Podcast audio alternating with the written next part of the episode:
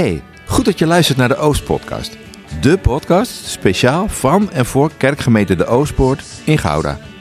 Met deze podcast willen we gemeenteleden een podium geven waardoor we hem of haar beter leren kennen. Wij zoeken de onderlinge verbinding, maar niet dezelfde mening. En door te luisteren naar elkaar hopen we geïnspireerd te raken en verder te groeien als lichaam van Christus in alle seizoenen van ons leven. Vandaag de gast in onze podcast, Ad en Josien Los. Het zendingsechtpaar uit onze gemeente die eh, in totaal 22 jaar van hun leven in Nepal hebben gewerkt eh, in de zending en inmiddels terug zijn in Nederland. Daar gaan we het uitgebreid over hebben. En René, waar gaan we het nog meer over hebben? We gaan het hebben over roeping, kerkzak, zendeling, hygiëne in Jumla, vertrouwen op God, het was een engel, wijcultuur en ik-cultuur. Kortom, Genoeg reden om een bakje koffie te zetten of warme chocoladebak met slagroom onder het dekentje te kruipen. We nemen dit op aan de, op de vooravond van een sneeuwstorm en eh, code rood. En lekker naar deze podcast te luisteren. Veel luisterplezier.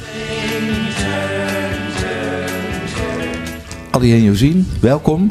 Leuk om zo met elkaar hier eh, te zitten, met jullie aan tafel. We hebben er ook naar uitgekeken om eh, met jullie in gesprek te gaan. Ehm, maar we hadden afgesproken om van tevoren, eh, van tevoren afgesproken om even kort voor te stellen. Misschien aan de luisteraars even zeggen wie hebben we tegenover ons. Dames beginnen. Ik ben eh Josien Los en ik ben geboren in Bergambacht. Dat ligt hier 10 kilometer ten zuiden van Gouda. Maar ik ben al op mijn negentiende naar Gouda gekomen, in het Groene Hart gewerkt, Bleuland. En eh, ja, ik ben getrouwd met Ad. En we zijn samen eh, twee keer een periode naar eh, Nepal geweest. Maar voor de rest van de tijd hebben we hier in Gouda gewoond. Ja, ik kom zelf uit eh Zwijndrecht, daar ben ik geboren. Oké. En eh, ja, via de Bijbelschool eh Josien leren kennen. En eh, ja, dat bleef hangen, hè? Wederzijds.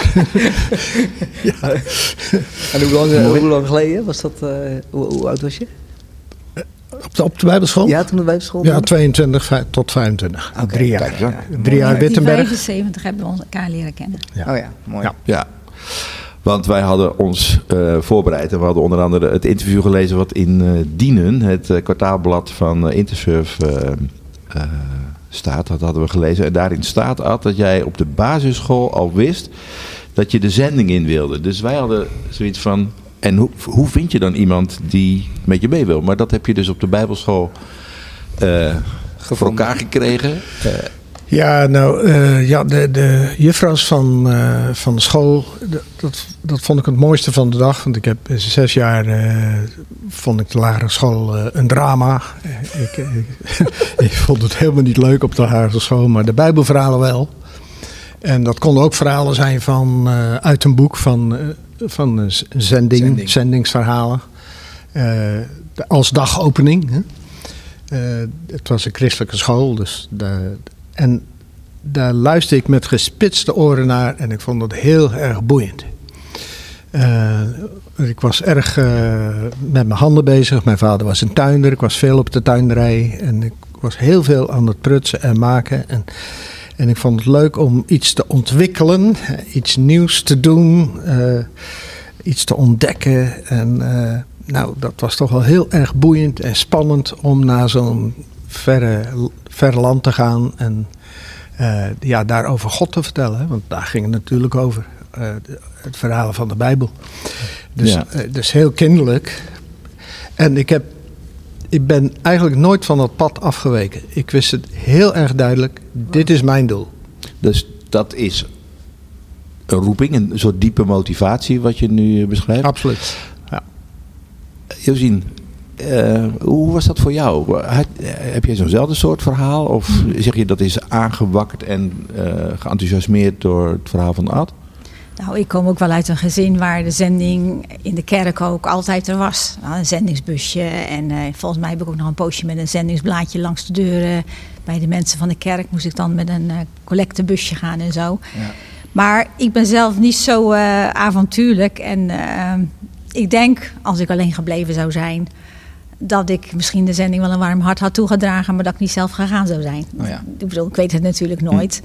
Maar toen we dus bevriend raakten en toen hij uh, mij ten huwelijk vroeg, toen zei hij gewoon van, uh, wacht even met ja zeggen. Want als je ja zegt, dat betekent wel dat je mee moet gaan naar de zending. Dus ik bedoel, dat was heel duidelijk. Dat is een soort package, package deal. Ja, package deal, ja. Onder druk, ook net ja. voor het vragen ook, weet je wel. Maar goed, omdat ik in ons gezin, onze kerk en in mijn hart ook best een warm hart voor de zending had, vond ik dat dus helemaal geen probleem. En heb ik gewoon ja gezegd. Ja. Ja, voor mij was dat ook een verlies uitleggen hè, van uh, een, be een, bevestiging zoeken van God. Zegt ze nou nee, dan, dan, wist ik dat ik door de grond zou zakken, was, want ik was stik verliefd op je zien. Maar ja, dan was het toch niet voor mij. Nee. nee. Dus ik heb een verlies uitgelegd. Ja, als het ware. Ja, mooi. Ja, zeker. Ja. Mooi.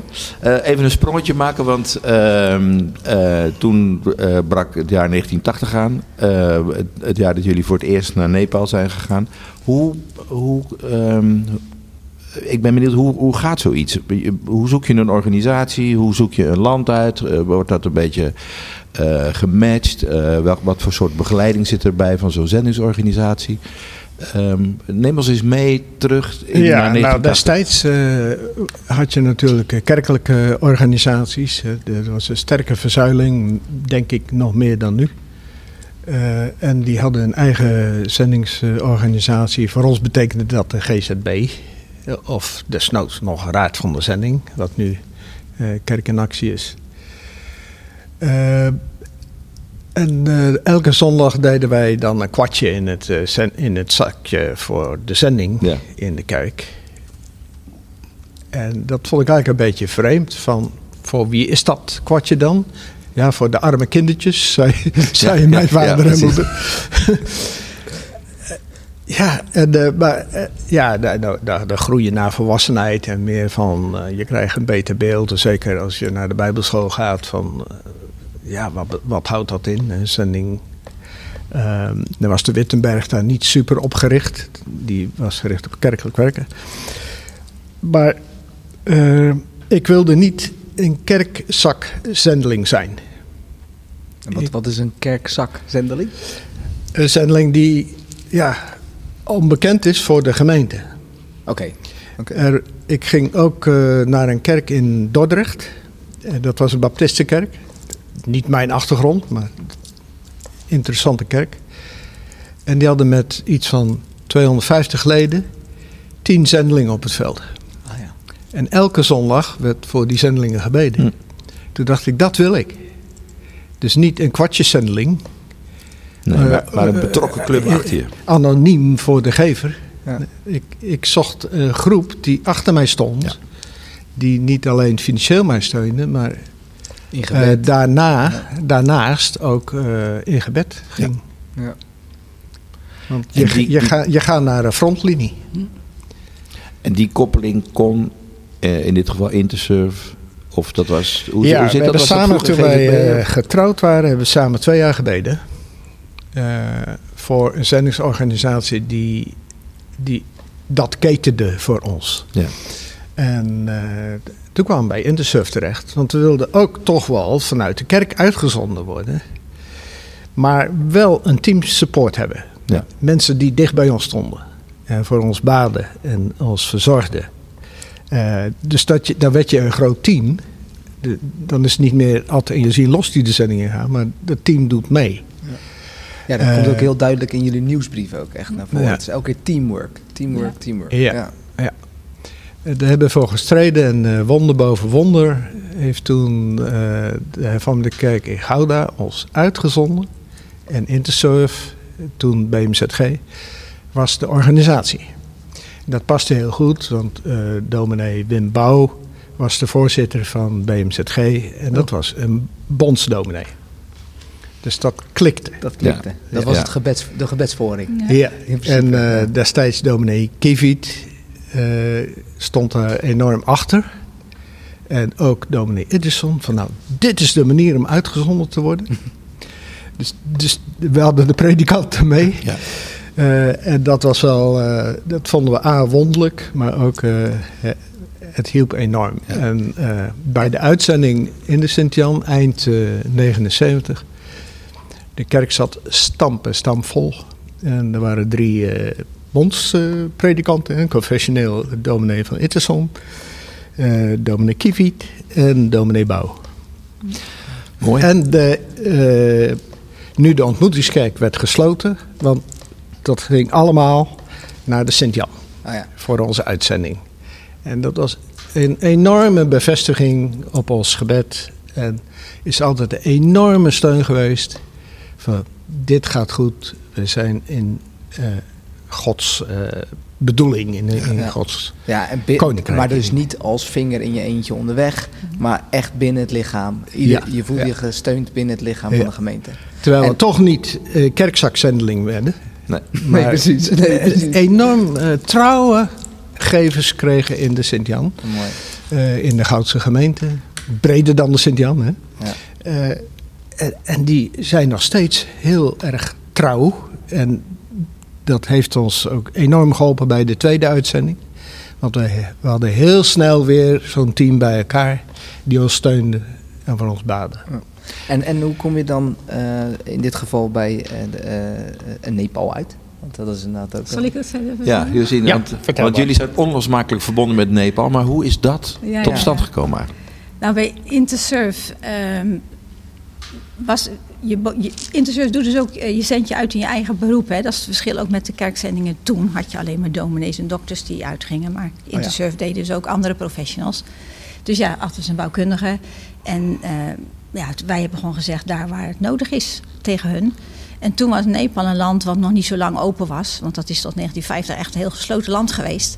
Dus toen dat open ging, leefden ze nog in een middeleeuwse situatie daar. Dus een heleboel organisaties zijn daar toen naartoe gegaan, onder andere ook de zending. En de zending is daar als een uh, United Mission to Nepal, was daar een zending. Want ze wilden niet de fouten herhalen die ze overal in de wereld gedaan hebben om concurrenten van elkaar te worden in een nieuw land. Oh ja. Dus ze zijn als baptisten, Anglikaanse kerk en een heleboel zendingen bij elkaar hebben gewoon één body gevormd die daar ging werken. En daar kwamen we terecht, United ja. Mission to Nepal. Maar toen was dat dus Nepal, gewoon omdat daar een plek was voor ons. En toen we eenmaal in. Dat is nu heel anders hoor. Nu kan je er niet heen voordat je echt ook een post hebt. Maar toen was het zo van: nou kom maar, dan zien wij wie je bent en dan vinden we wel werk voor je. Oké. Okay. Dat was dat toen zo. Dus we de, deze een half jaar deed je de taal- en cultuurschool. En in die tijd keken ze naar je en praten ze met je. Hm. En zodoende kwam dus dat Joomla eruit. Dat, die, dat hele afgelegen gebied in Nepal, omdat ze daar een school gingen bouwen. Ja. Maar het is dus eigenlijk gewoon dat we gezegd hebben van ja, we willen gaan daar waar, waar nodig is. Ja. Zo zijn we in Nepal gekomen. Ja, je noemt Joomla. Er ligt hier, voor, even voor de luisteraars, een foto op tafel waar we uh, Joomla zien als een soort afgelegen... On, het ziet er een beetje onherbergzaam uit met een aantal gebouwen. Ad, wil je even kort vertellen, dit is de technische school, maar ik zie allerlei gebouwen. Hoe, hoe moet ik dat... Hoe moet je dat zien? Jij was daar uh, enorm bij betrokken bij de. Ja, de overheid bouw. sprak dus bij die, uh, met die zendingsorganisatie, terwijl uh, zendingsorganisatie eigenlijk niet mag. Maar de zendingsorganisatie is begonnen met ziekenhuizen en naast de ziekenhuizen onderwijsinstituten voor de verpleegsters en voor de laboratoria, technici. Maar ook het personeel had kinderen en daar waren scholen voor nodig. Dus ziekenhuizen en scholen, daar begon eigenlijk de zending mee hmm. in het land. En uh, daar had de overheid uh, goede ervaring mee, want veel overheidsambtenaren waren in zo'n ziekenhuis en in zo'n school opgegroeid. Van de zending ook? Van de ja. zending. Oh, ja. uh, in, in een hindoe land. Dus dat is wel bijzonder. En op een gegeven moment werd het land behept met een Engels technische onderwijs, Amerikaans, Bangladesh zelfs, Duits, Nederlands, uh, Deens. Uh, en wat is nu de accreditatie van de studenten die van zo'n school afkomen? Dus de overheid had bedacht, al voordat wij in Nepal kwamen, wij moeten een nationaal technisch onderwijs starten in Nepal. Welke organisatie kan dat het best doen? De United Mission to Nepal. Ja, dat is de, dus die, die body van, ja. van ja. zendingsorganisaties.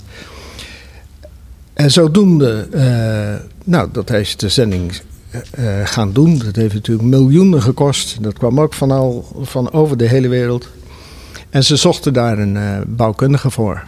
En ja, ze observeerden mij. Ze zagen mij met fietsen prutsen en alles eh, repareren en eh, doen. En, eh, nou ja, daar was ik kennelijk geschikt voor. Ik, ik had ook nog een onderwijsgraad. Dus eh, dat klopte wel. Eh, en zodoende zijn we daarheen gegaan. Maar het was in, het was, we zijn in India begonnen voordat we naar Nepal gingen. En, eh, tien dagen India. En toen was er al iemand die vertelde over Joomla en dat ze daar veel voor gebeden hadden, want het is zo afgelegen. Zeven dagen lopen van de dichtbijzijnde weg. Geen elektriciteit, niets, heel primitief. Eh, en nou ja, dat past natuurlijk ook weer van mijn jongensdroom van zes jaar. Ja. Maar eh, jullie liepen daar met, met je dochter, toch? Met jullie dochter van zes weken. In, eerst, nou ja, Nee, nee, we, ge- we Nee. zijn zonder kinderen daarheen gegaan. Oké, Ja. dus die eerste keer was zonder... Oké, oké, oké. Dus de, echt de, de zending ingaat, tenminste dat had ik gelezen. Dus op het moment dat Ja. jullie daar echt zijn gaan wonen. Ja. Dus eh, in Jumla, toen eh, was het met dochter. Oké. En toen ben ik, eh, voordat we naar Joomla gingen, zijn we gaan tekenen. En toen kwamen we daar eindelijk te wonen. En eh, ja, daken was een enorm probleem. Dus heb ik alles opnieuw getekend. Eh, met blauwprints, eh, gemaakt op de zon. En weet je, kalken en dan blauwprints maken. En alles getekend. Ik heb het uitgezet. En we zijn gewoon gaan bouwen. En dat team dat groeide. We begonnen met vier zendelingen. En ja, in de hoogtijdagen hebben daar 24 eh, man gelopen. Ja. ja, want jij beschrijft het net eh, als een onherbergzaam gedeelte of gebied, eh Onno. Maar hier staan gewoon 20, 25, Ja. 30 gebouwen op, eh, als ik het zo Ja, zie. dit is dus de school, want het gebied zie je zelf niet op deze foto. Nee. Oké, dus dit is, Dit is, eh, eh, alleen, alleen de maar de school. Dus gewoon 30 gebouwen, Ja. circa. Ja, en wat je hier ziet zijn natuurlijk heel veel huizen. Want ook eh, het gebied was zo afgelegen dat daar geen docenten waren. Die moesten ook van elders uit Nepal gewoon- komen. Oké. Maar ook, we ketenden eh, een gebied geografisch half zo groot als Nederland. Oké. En in het midden stond daar die technische school. En sommige studenten moesten een week lopen om daar te komen. Dus als je wintervakantie had van twee weken, konden ze niet naar huis. Nee. Want dan moesten ze meteen weer Ja. terug. Ja. Dus heel veel hostelgebouwen waar, je Oh de- waar ze Ja. woonden. En eh, Ja. boerderij bovenaan. En Ja. dit, is, dit is eigenlijk het lokale gebouw daar. Als je nu deze foto ziet, eh, wat is dan een dierbare herinnering? Het wonderlijke dat het er staat. Oké. We hebben daar elf jaar over gebouwd. Het is enorm. De muren eromheen is eh zeven kilometer lang.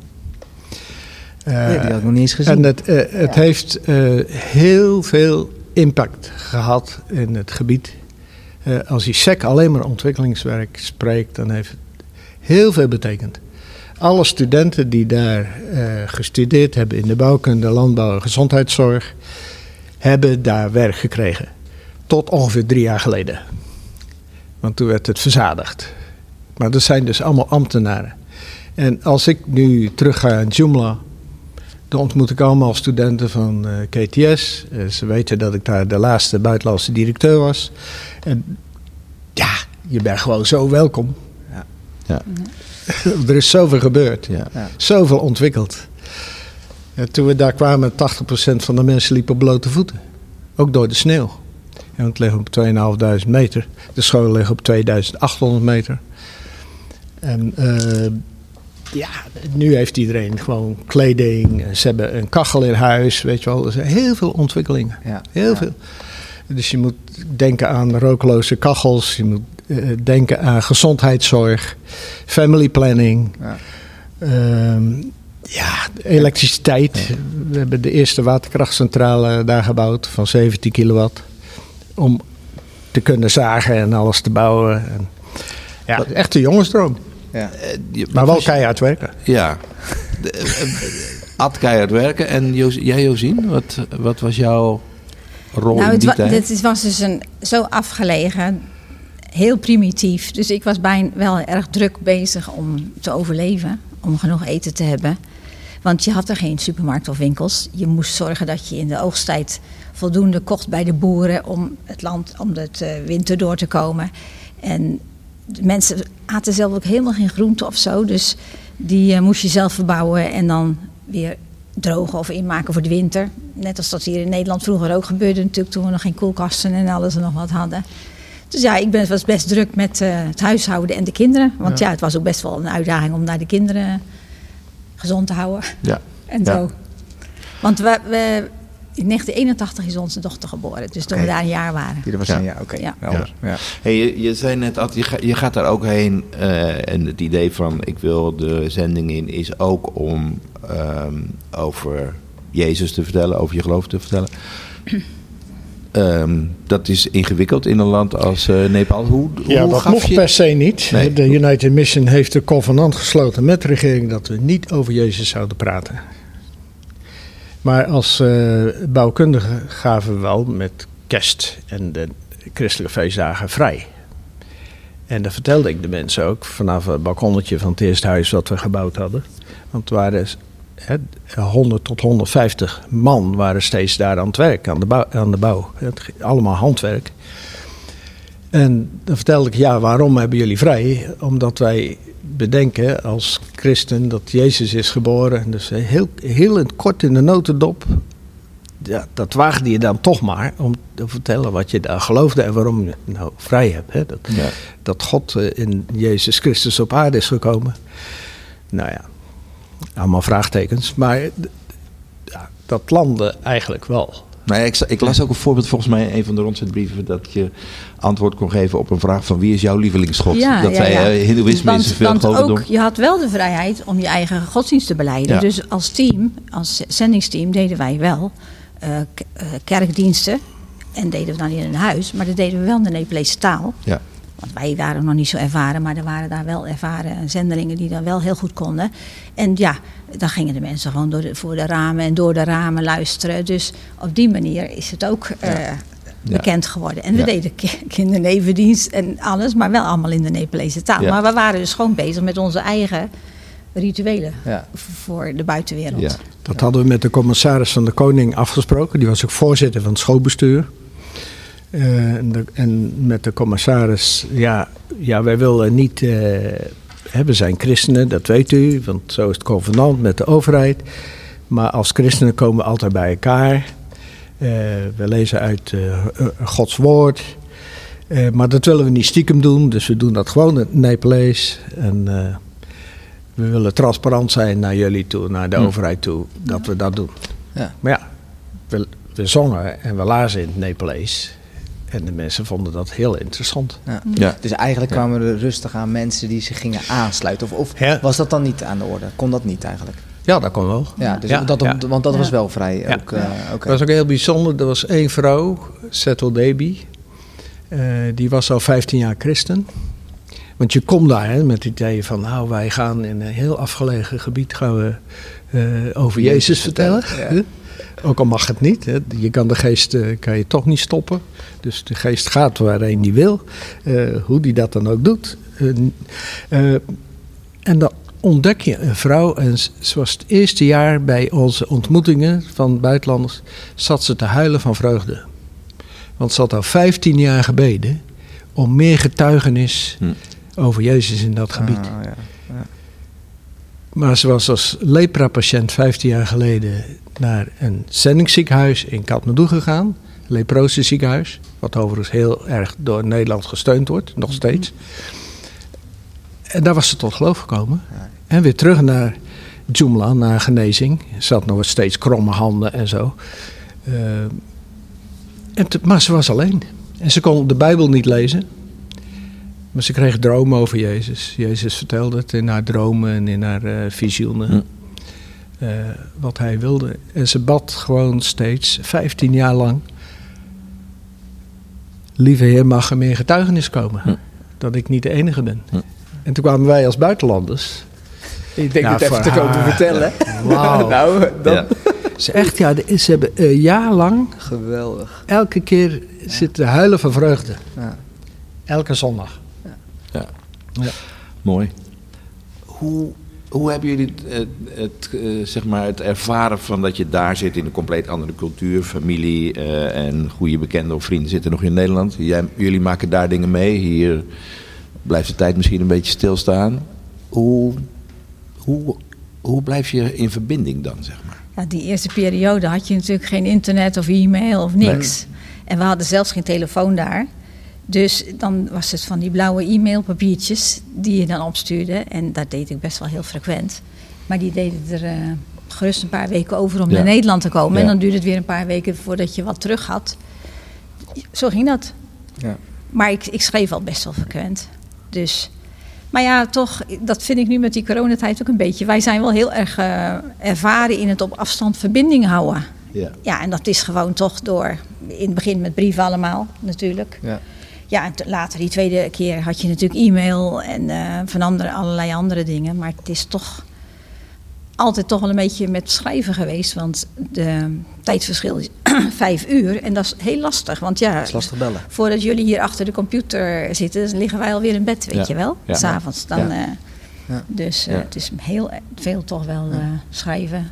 Maar je, je beschrijft net ook, Josien, dat eh, je was ook hard bezig, was hard aan het werken eigenlijk. Mm. ehm, eh, veel aan het zorgen, primair aan het Mm. zorgen. Waar wij hier vooral met welvaartsdingen, tenminste, ik heb even naar mijn generatie gekeken, wel, welvaartszaken bezig zijn. Dus echt met primaire Mm. zaken gewoon kunnen eten. Eh, heb je je zorgen gemaakt? Jawel. Want ja, je moest dan voor een jaar lang je eten in huis halen. En dat, ja, soms had je, was het dan ook op. Ja. En ja, en, maar goed, daarin hebben, hebben we wel heel erg gezien dat God voorziet.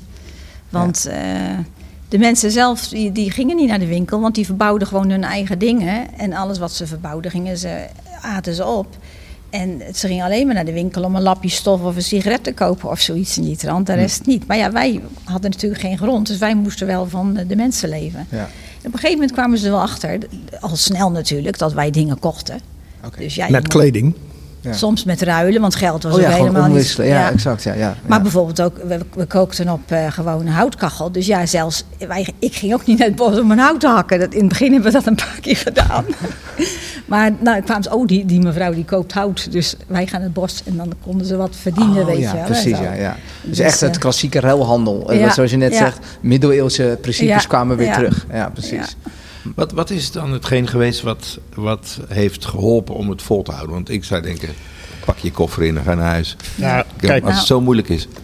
wij hebben nooit honger gehad daar. Eh, er is eh, het tweede jaar dat we daar waren, stierven rondom ons 60 mensen van de honger. En dat was ook een periode dat op een gegeven moment zei Josien tegen mij toen ik 's morgens wegliep.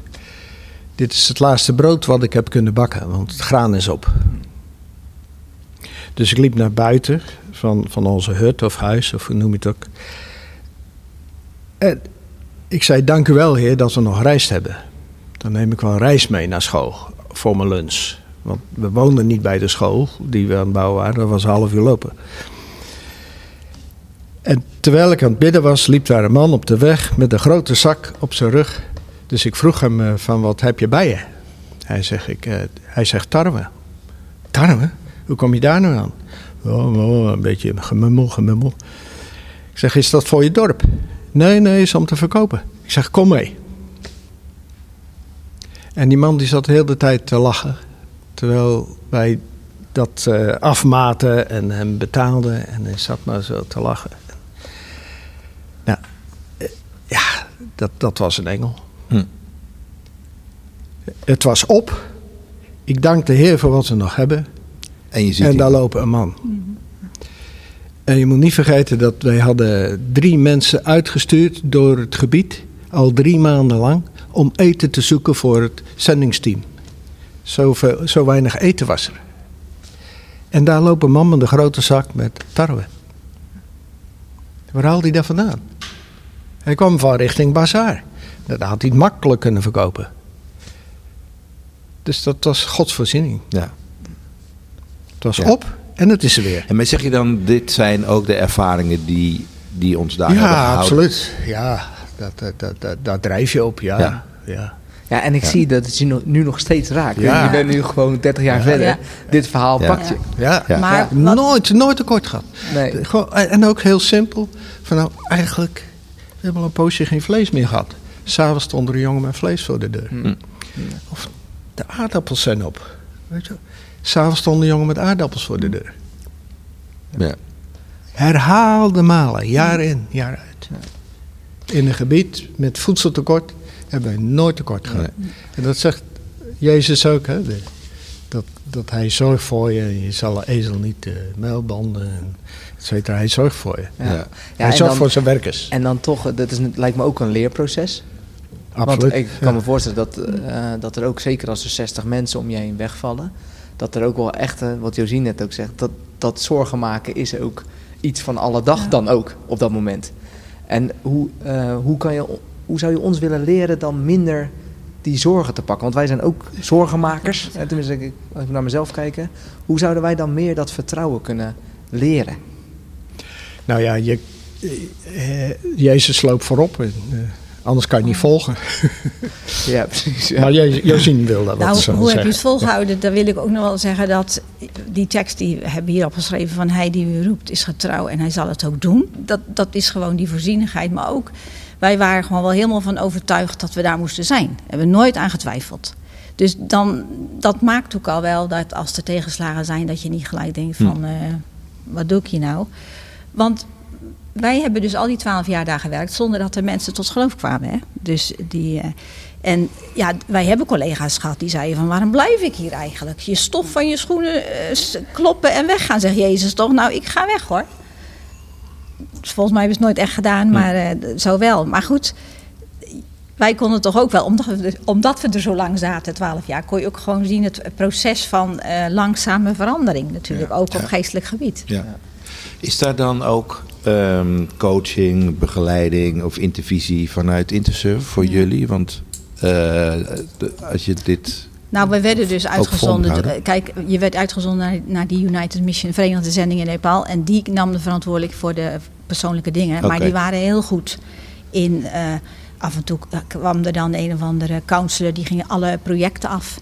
En dan zaten wij daar hoog in de bergen, zaten we daar eh, persoonlijkheidstestjes te doen en eh, erover te praten, weet je wel. Maar wel, wel Goed, heel hoor. goed. Ja, Ja. zeker wel. Ja. Ja.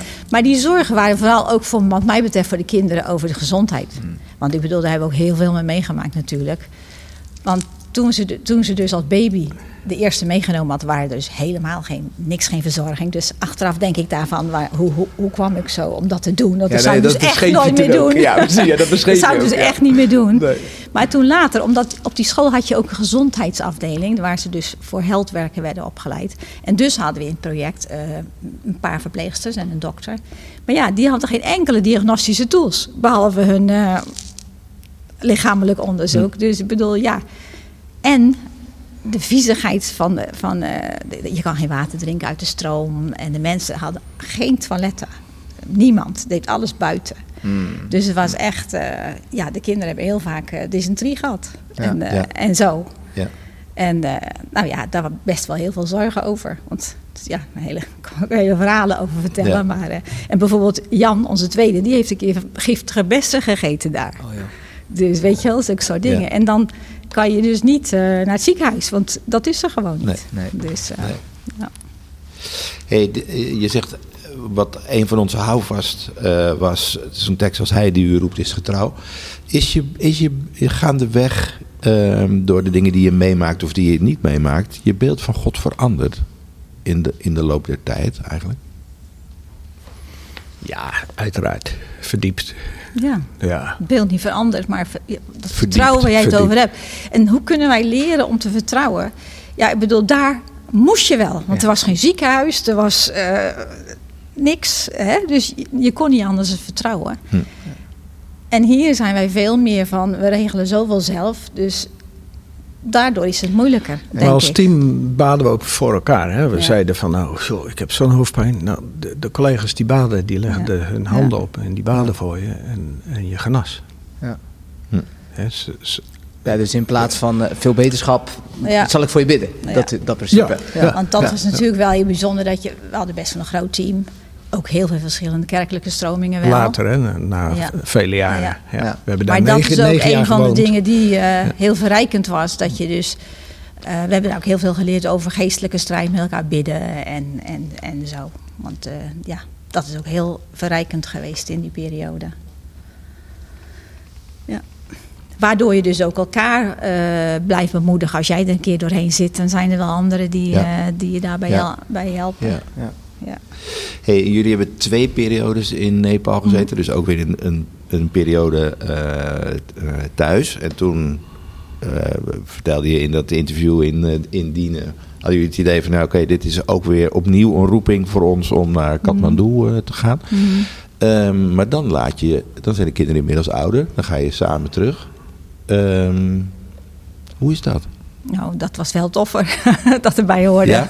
ja zeker wel. Ja.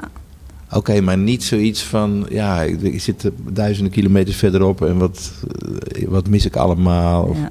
Nou, we hebben wel tegen ze gezegd, want ondertussen waren de tijden veranderd. Die eerste keer kwamen we maar één keer in de vier jaar thuis, hè, want dan, dan vloog je niet zo vaak. Maar ook in de moderne zending mag je dus arbeidsvoorwaardengesprekken hebben. Dus wij hadden dus als arbeidsvoorwaarden voor die tweede keer... dat we elk jaar naar Nederland mochten komen om de kinderen en onze ouders Ja. te zien. Ja. Maar we hadden ook tegen de kinderen gezegd... als er iets bijzonders is, dan, dan eh, komt er een van ons terug. En eh, dat hebben we ook wel gedaan. Toen Jan afgestudeerd is, ben jij gegaan. Benjamin ook. Ja. Ja. ja. En dat kan in deze... In de, de tijden waren anders. Dat Ja. kon gewoon. En De het- afgelopen eh, periode ben ik persoonlijk twee keer per jaar in Nederland geweest. Ja, Ja. ja. En, en was er ook eh, meer middelen van communicatie natuurlijk? Telefoon werd natuurlijk Ja. steeds gebruikelijker. Je kon Eh, skypen, Skypen, exact. e-mail. Ja, ja. Heel andere periode. Maar ook de, het land was anders. Hè. Wij kwamen daar eh, om stenen te ruimen, de, de eerste periode. Tweede periode dat we gingen, eh, ja, waren heel veel kerken. Ja, 150 zag ik ergens. La- Ja. Las ik dat in een Ja. bericht. Ja, nu- nu veel, nog meer. Ja, Ja, in, in de Ja. Jumla-vallei waren er Ja. 150, maar in het hele land zijn er natuurlijk heel veel. Ja. Ja. En dus was de rol die je als zendeling vervulde heel anders. Nu was het veel meer ondersteunend als toen in die tijd was het echt pionieren. Ja. Ja. Ja, dus meer met een doel eigenlijk. Richt, dus je ging echt met een doel in plaats van, nou, de Intersurf gaat op dat moment, eh, of tenminste de United. eh, Ja, de eerste keer gingen we, nou, we zien wel. We zien wel. En de tweede keer hadden we een project ja, Ja. Ja, dat moest ook toen. ja, Ja. met, een, een, met een duidelijke afsluiting. ja. En had een van jullie dan iets minder zin? Werkt dat zo? Kan dat zo? Dan zeggen van, nou, ik, ik- Nee, we hadden al- allebei zin. We- we- ook de tweede keer hebben we allebei een jaar gebeden. We hebben gezegd tegen elkaar, we zijn nu empty nesters. Hè? We- het nest is leeg. Eh, lieve Heer, waar wilt u ons nu hebben? Eh, en any country, eh, maakt ons niet uit eh, waar u ons wil hebben, maar wij zijn weer bereid. Maar we snappen toch wel dat we kennen de Nepalese cultuur en de taal. Eh, Dus denk daar, denk altijd daar ook voor- nog even aan. Ja. zeg maar. als ik een voorzetje mag geven. ja, zo ongeveer wel, ja. Ja. Ja. Ja. Ja, en toen was het best wel bijzonder. Want kijk, die 16 jaar dat we dus tussen die twee perioden thuis gewoond hebben, hebben we ook contact gehouden met mensen die we kenden en zo. Maar goed, toen voelden we heel duidelijk, onze plaats is in Nederland voor de kinderen hier.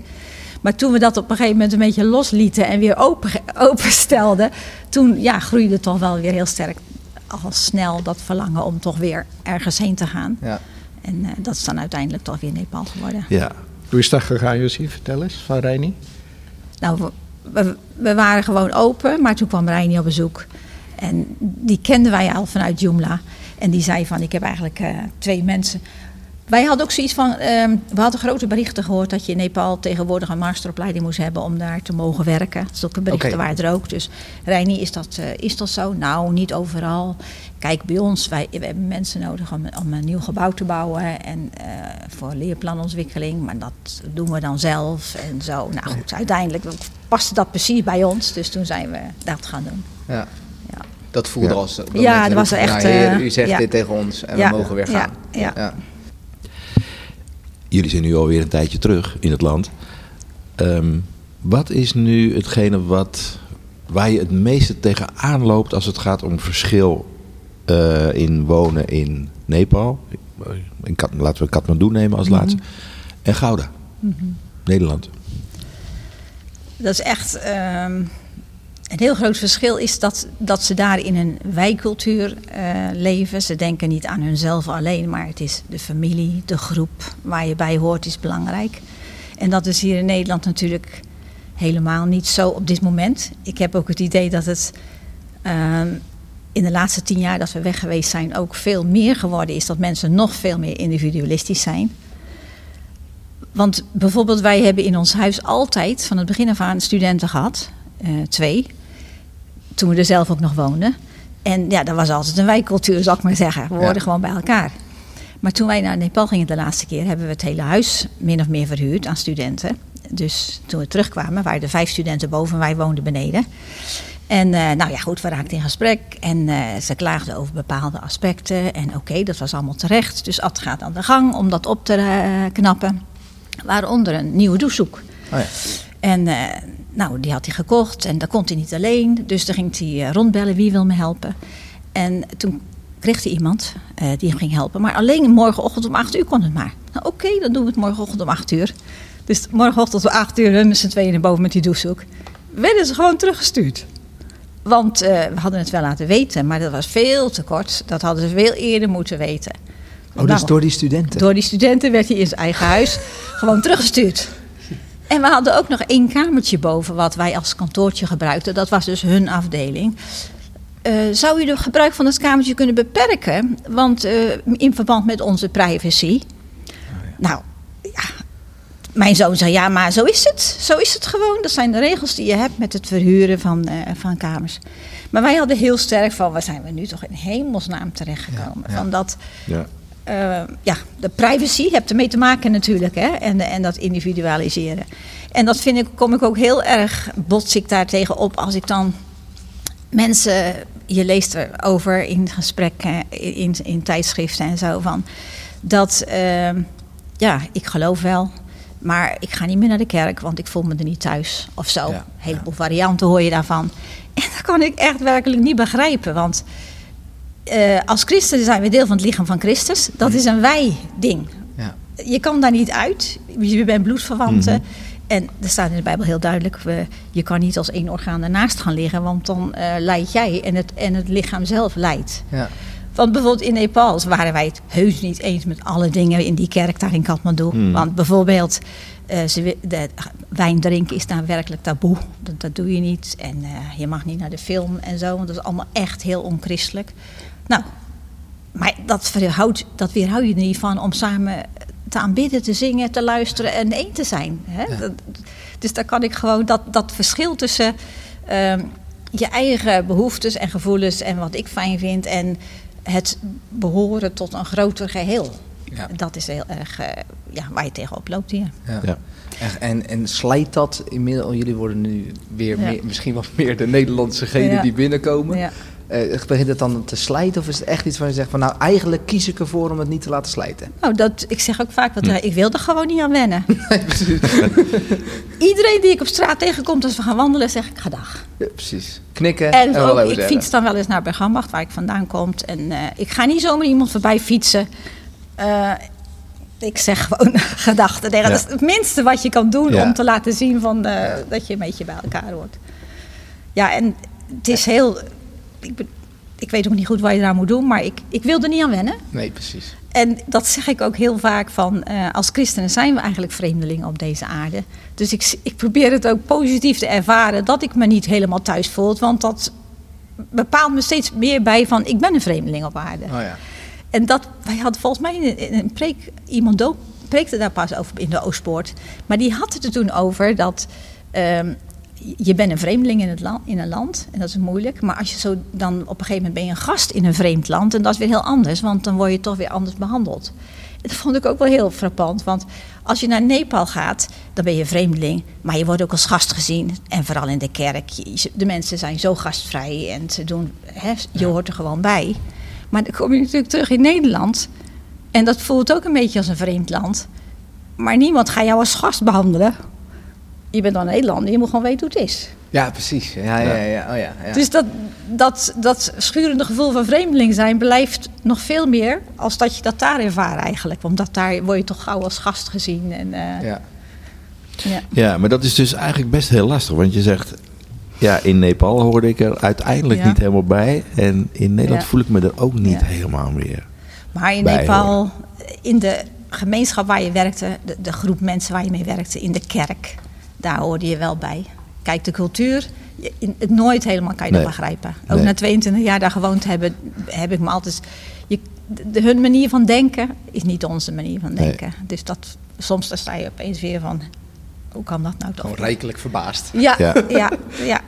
ja. En, en, nu ehm, in de gemeente, als je dan naar de gemeente toetrekt, hè, we hebben nu Ja. een beetje over hoe de cultuur is in Gouda of, of Ja. Nederland, maar ook met, eh, misschien wel met vriendschappen, hoe dat werkt. Vind je dat wij als gemeente gastvrij zijn? Of vind je dat wij als gemeente dat, dat wij-gevoel eh, hebben kunnen behouden? Of zie je daar ook veel verlies? Ja, ik vind het altijd ook wel heel frappant eigenlijk. Want zelfs bij mijn werk hier in het ziekenhuis ook en ook in Nepal, als ik op mijn werk ben, dan werk je met jonge mensen, oude mensen. En eigenlijk is het helemaal geen verschil, want je bent gewoon bezig met elkaar. En in de kerk, daar ervaar ik altijd een soort leeftijdscategorieën ding. Ik weet het ook niet, want. En dat vind ik heel vreemd, want we zijn toch met elkaar met hetzelfde bezig allemaal eigenlijk. Maar ja, dan hebben we de tafel met de, de, de, de bejaarden en dan eh, de jonge gezinnen met elkaar. En hier sta ik, weet je wel. Ja. En dan, eh, ja, dan probeer ik wel eens met de jonge moedertjes te praten. En die, natuurlijk geven ze me wel antwoord, maar eh, het is ook zo weer voorbij natuurlijk. Hè? De echte wij-klik, die ja, ervaar die, je dan die niet. ervaar je Nee, dan niet. Nee. Dat vind ik ook wel frappant. Maar dan dus- zeg ik tegen mezelf, stond ik vroeger met oude mensen te praten. Toen ik jong was.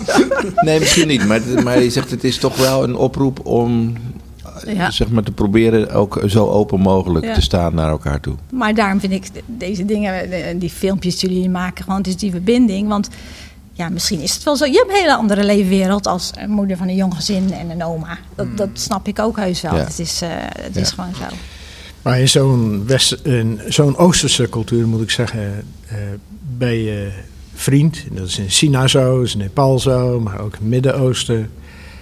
eh, als, je wordt altijd welkom gegeten, geheten om maaltijd te houden met de mensen. Ja, ja. Om bij hen thuis te eten. En dat hebben wij ook geprobeerd toen we in Nederland kwamen. Van, we nodigen mensen uit om bij ons te eten. Ja, sorry hoor, geen tijd, geen tijd, geen tijd. Eh, nou, kom dan, hè, dat, dat deden we in Nepal. Nou, dan doen we het 's morgens vroeg. Hè, Je kan toch gewoon je ontbijt samen Kom eten? ontbijten? Je Ja, dan ontbijten. precies, ja. hè, Bij het ontbijt een eten. beetje bijkletsen. En daar hadden we zo behoefte aan, zeker de, na de eerste periode in Nepal, om gewoon met onze vrienden weer bij te kletsen. En dat lukt niet. Je krijgt ze niet bij je aan tafel. Nee.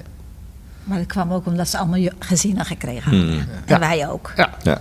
Maar Ja. Jongens, maar het is wel een cultuur. Het is openstaan Ja. voor. Ja. Het is, ik doe, iedereen kan ontbijten, want iedereen Ja. moet ontbijten. Dus daar, als je daar ruimte voor wil maken, dan is daar Ja. ruimte voor. Ja. Ik bedoel, we kunnen ook ontbijten in Van der Valk en dat vinden we heerlijk met elkaar. Ja. Dus er, er zal vast wel iets van Ja. ruimte zijn om dat te kunnen creëren. Maar toch vinden we dat dan in cultuur lastig. Ja. Hey, ehm, jullie hebben in, ehm, in Kathmandu zaten jullie bij een, ehm, eh, een gemeente. Eh, de, onze vorige gast, dat was jullie buurvrouw van twee huizen verderop, Noor. Eh, en die had als vraag bedacht voor jullie van... wat kunnen wij als gemeente hier in Gouda leren van de gemeente in Nepal? Ja. Ehm, Nou, wat er zijn verschillende dingen, maar één ding wat heel duidelijk bovenaan staat is bidden. Want de kerk is daar heel eh, snel groeiend. Hè? Dus er zitten in de kerk heel veel mensen die gewoon nog maar eh, allemaal op volwassen leeftijd tot geloof gekomen zijn en kunnen vertellen wanneer dat was. Hè? Tien jaar geleden, vijf jaar geleden, twee jaar geleden en zo. Maar eh, allemaal zijn ze heel sterk in het gebed. En dan verbaast ik me soms hier heel enorm over. Waar dat aan ligt, weet ik dan ook niet goed. Maar ik bedoel, ehm, ze zijn heel open in het gebed. En bijvoorbeeld een, voorbeeld is dat eh, ik zat op zo'n vrouwenvereniging en daar bijbelstudie, maar ook bidden. En er was er een, een mevrouw en eh, heel, heel verlegen naar mij toe. Ja, ik heb helemaal niet op school gezeten hoor. Ik, eh, ik weet niks. En eh, zo ik zei, nou, eh, hè, u bent vast wel een beetje ouder geworden en u hebt een heleboel meegemaakt. Daar leer je toch ook van? Nou, dus naar mij heel, heel bedeesd. Gaan we bidden? Ze sprak tot de vader. Hè, gewoon geen enkele rem Geen of stroom, open. ding, weet je wel. En ja, dat, dat mis ik enorm hier. Want wil jij bidden? Ehm, weet je wel? Ja, precies. Ja, dus ongemakkelijkheid. eh, Ongemakkelijk. ja, ja, en, ja. eh, en dan kom je iemand op straat tegen in Nepal. En eh, hoe gaat het met je? Ja, mijn zoon en dit en zus. Oké, wind op straat, hardop, gaan we gewoon voor elkaar bidden. Ja, ja. Dus ik bedoel, het is Terwijl daar, daar meer een, is het het- is daar meer gewoon een, eh, het hoort er heel erg bij. En als ademen, eh. Geen formaliteit eh, eh, doen. Maar er is ook een sterke verwachting dat eh, God inderdaad ingrijpt. Ja, oh ja. Exact. Dus het is, het is niet alleen het, vrij zijn. Ja, het is niet alleen vrij nee, bidden, maar het is ook wel echt. Gebeuren ook. Heer, Ja. we weten dat als we de hand opleggen, we verwachten Ja. dat u daarin... Ja. Ja, Ja. precies. Ja. En dat daar dus veel meer wonderen gebeuren als hier op gebed, dat is natuurlijk ook iets waar je over kan filosoferen en, en zo. Want ik bedoel, er wordt hier soms ook met net zoveel intentie gebeden en dan gebeurt er niks. Terwijl daar lijkt het heel makkelijk te gaan. Hè? Ja. Dat is natuurlijk iets waar je over kan nadenken. Maar het is wel zo dat de mensen veel verwachten. Dat is inderdaad heel wat je zegt. En het ook gewoon steeds overal doen. Ja. Als je ergens op bezoek gaat, niemand gaat er de deur uit zonder dat je met elkaar gebeden Ja. hebt. Ja. Oké. Nee, jullie Ja. het meegenomen? Doe je dat ook in je eigen gezin? Nou, dan voel ik me weer een beetje verlegen van zo, wat vinden Ja. ze dat? dus Daarvan? dan krijg je dan het maar ik zeg wel eens tegen hem van, eh, dat moeten we gewoon doen, klaar. Maar goed, Ja. dat is een Nu, ben, nu, ben je, nu zie je die terug. Je, je Ja. zegt, er is nog veel, veel contact met Nepal. Maar wat, waar, waarvan ben je blij dat je dat achter je hebt kunnen laten? Dat dat, dat, dat daar is gebleven, zeg maar. De troep. Het ongeorganiseerde. ja. Oké. Ja. De- eh, elke dag loop je te snotteren van, want we woonden de laatste periode helaas in de hoofdstad. Nou, en iedereen wil maar een eigen auto of een eigen motor. eh, en het rijdt voor geen kant. Hè. Je kan soms eh, sneller lopen door de stad gaan dan met de auto. Want het, het, het- het is zo'n vieze, vuile stad. Zo, ik was dat werkelijk heel erg zat. Ja. En ook eh, wat, wat ik achterlaat, het, het onbetrouwbare. Je ziet hier het gebouw wat we weer gebouwd hebben. Ja. Ehm, maar Ja, dan heb je onderaannemers eh, later en je wil nog wat klusjes doen. En, nou, morgen weer hè. Je bent er morgen om acht uur beginnen. Ja, gaan we doen. Nou, ze komen de hele dag niet. Want ze zijn die dag al geweest en hebben ze van mij geld gehad. En dat eh, moeten ze eerst even opdrinken. Ja. En dan komen ze twee dagen later. Ja. Daar bel je eh, om 11 uur s morgens. Ja, je bent er nog niet. Waar ben je dan? Ja, we komen morgen. Of we komen volgende week, weet je wel. Eh, eh, maar nee zeggen is geen optie in die cultuur. Nee, je nee. zegt altijd ja. Ja. De nee bestaat niet. Mm. Dus je- heel moeilijk afspraken maken. ja, dus dat, dat mag daar blijven. Zeg Ja, zeker. Ja. En nu ehm, zijn jullie met pensioen. Ehm, hoe vind je je draai? Nou, Ad, ik las eigenlijk dat jij weer een nieuwe klus hebt opgepakt. Eh, de- de 25 jaar geleden ehm, betrokken bij de, de bouw van de Oostpoort als opzichter, denk ik. Ja. Eh, en nu weer begeleiding van de Ja. verbouw. Ja, dat is natuurlijk, eh, daar heb je eh, wat dubbele gevoelens over. Want je bent je eigen gebouw weer aan het verbouwen.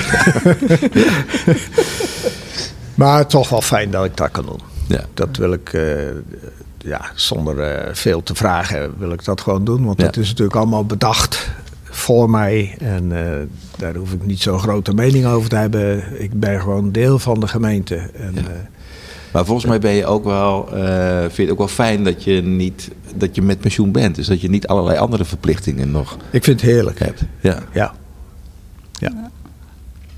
Dus ik heb zo vaak onder tijdsdruk gewerkt op bouwplaatsen. En eh, nou, dat is er gewoon niet. Nee. Dat is weg. Kan, kan het iedereen aanraden, zeg ja, absoluut. Ja. Hoe is dat voor jou?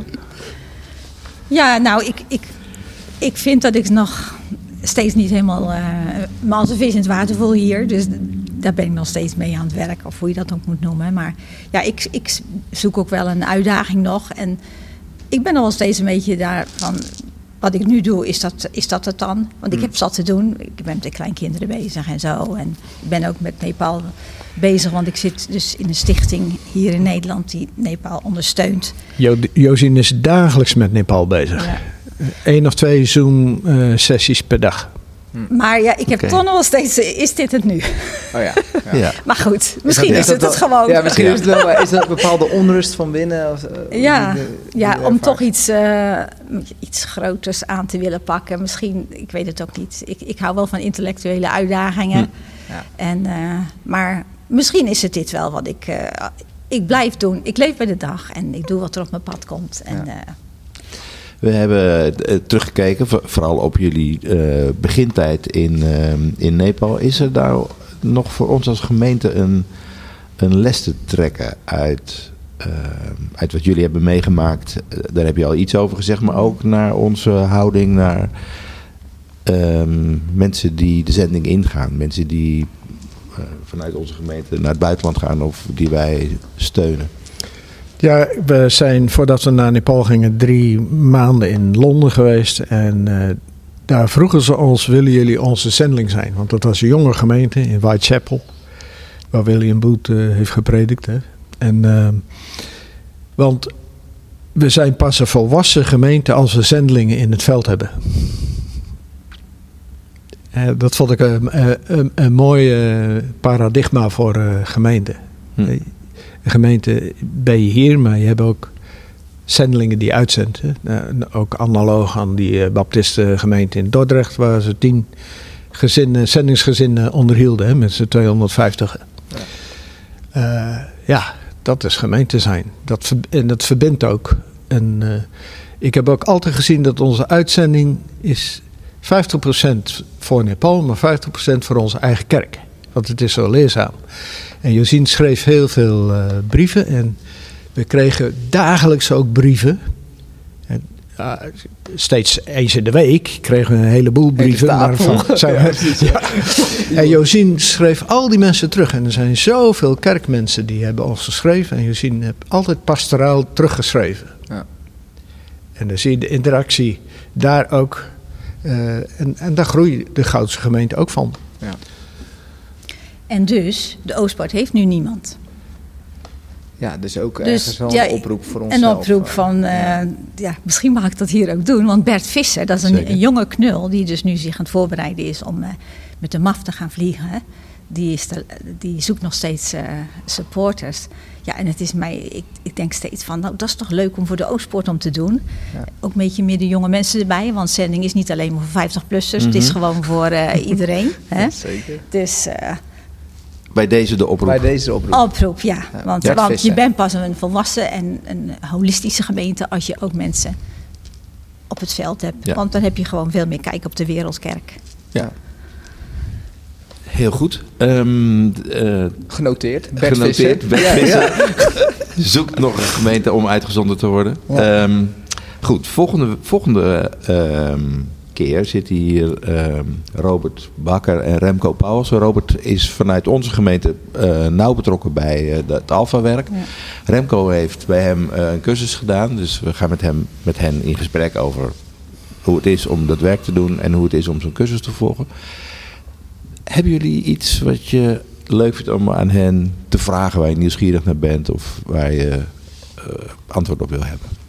Nou, ik heb persoonlijk heel veel bewondering voor Robert, voor wat hij doet. En ehm, ja, mijn vraag aan hem zou zijn: eh, wat drijf je om dit eh, na zoveel jaren nog met zoveel enthousiasme te doen?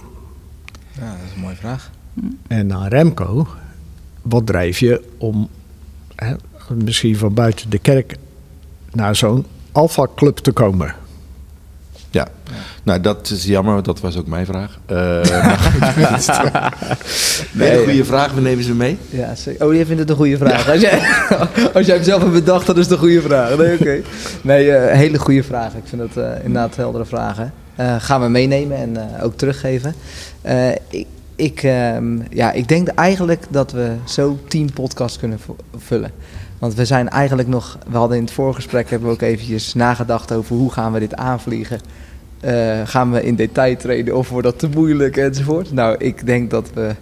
ehm, we hebben geprobeerd wat detail te noemen, maar volgens mij kunnen we nog jaren in detail eh, doorspreken. Misschien gaan we het ook wel doen, want ik vind eigenlijk zo'n oproep met Bert Vissen, of eh, zeg ik Bert Vissen? Ja, hè? Misschien dat we daarin ook wel wat meer ruimte ook aan zending juist kunnen geven, ook als gemeente. En het doet ook wel denken, 250 man, 10 zendelingen in het veld.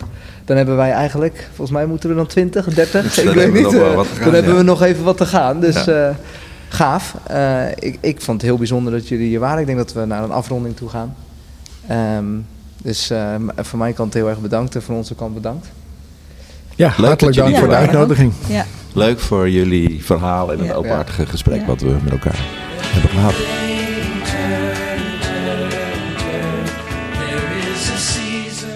Bedankt voor het luisteren naar deze aflevering. Zoek ons vooral even op via Instagram en Facebook, Oostpodcast. We zouden het erg leuk vinden als je een reactie achterlaat. Dat kan trouwens ook via ons e-mailadres, deoostpodcast.gmail.com. Volgende aflevering praten we met Robert Bakker en Remco Pauwels. We gaan het hebben over de Alpha-cursus, de kennismakingscursus van het christelijk geloof. Hopelijk ben je er weer bij. Deze podcast werd gemaakt door Orno Kastelein en René Rijm met technische ondersteuning van Bob Luursema en Willemijn Bakker. To everything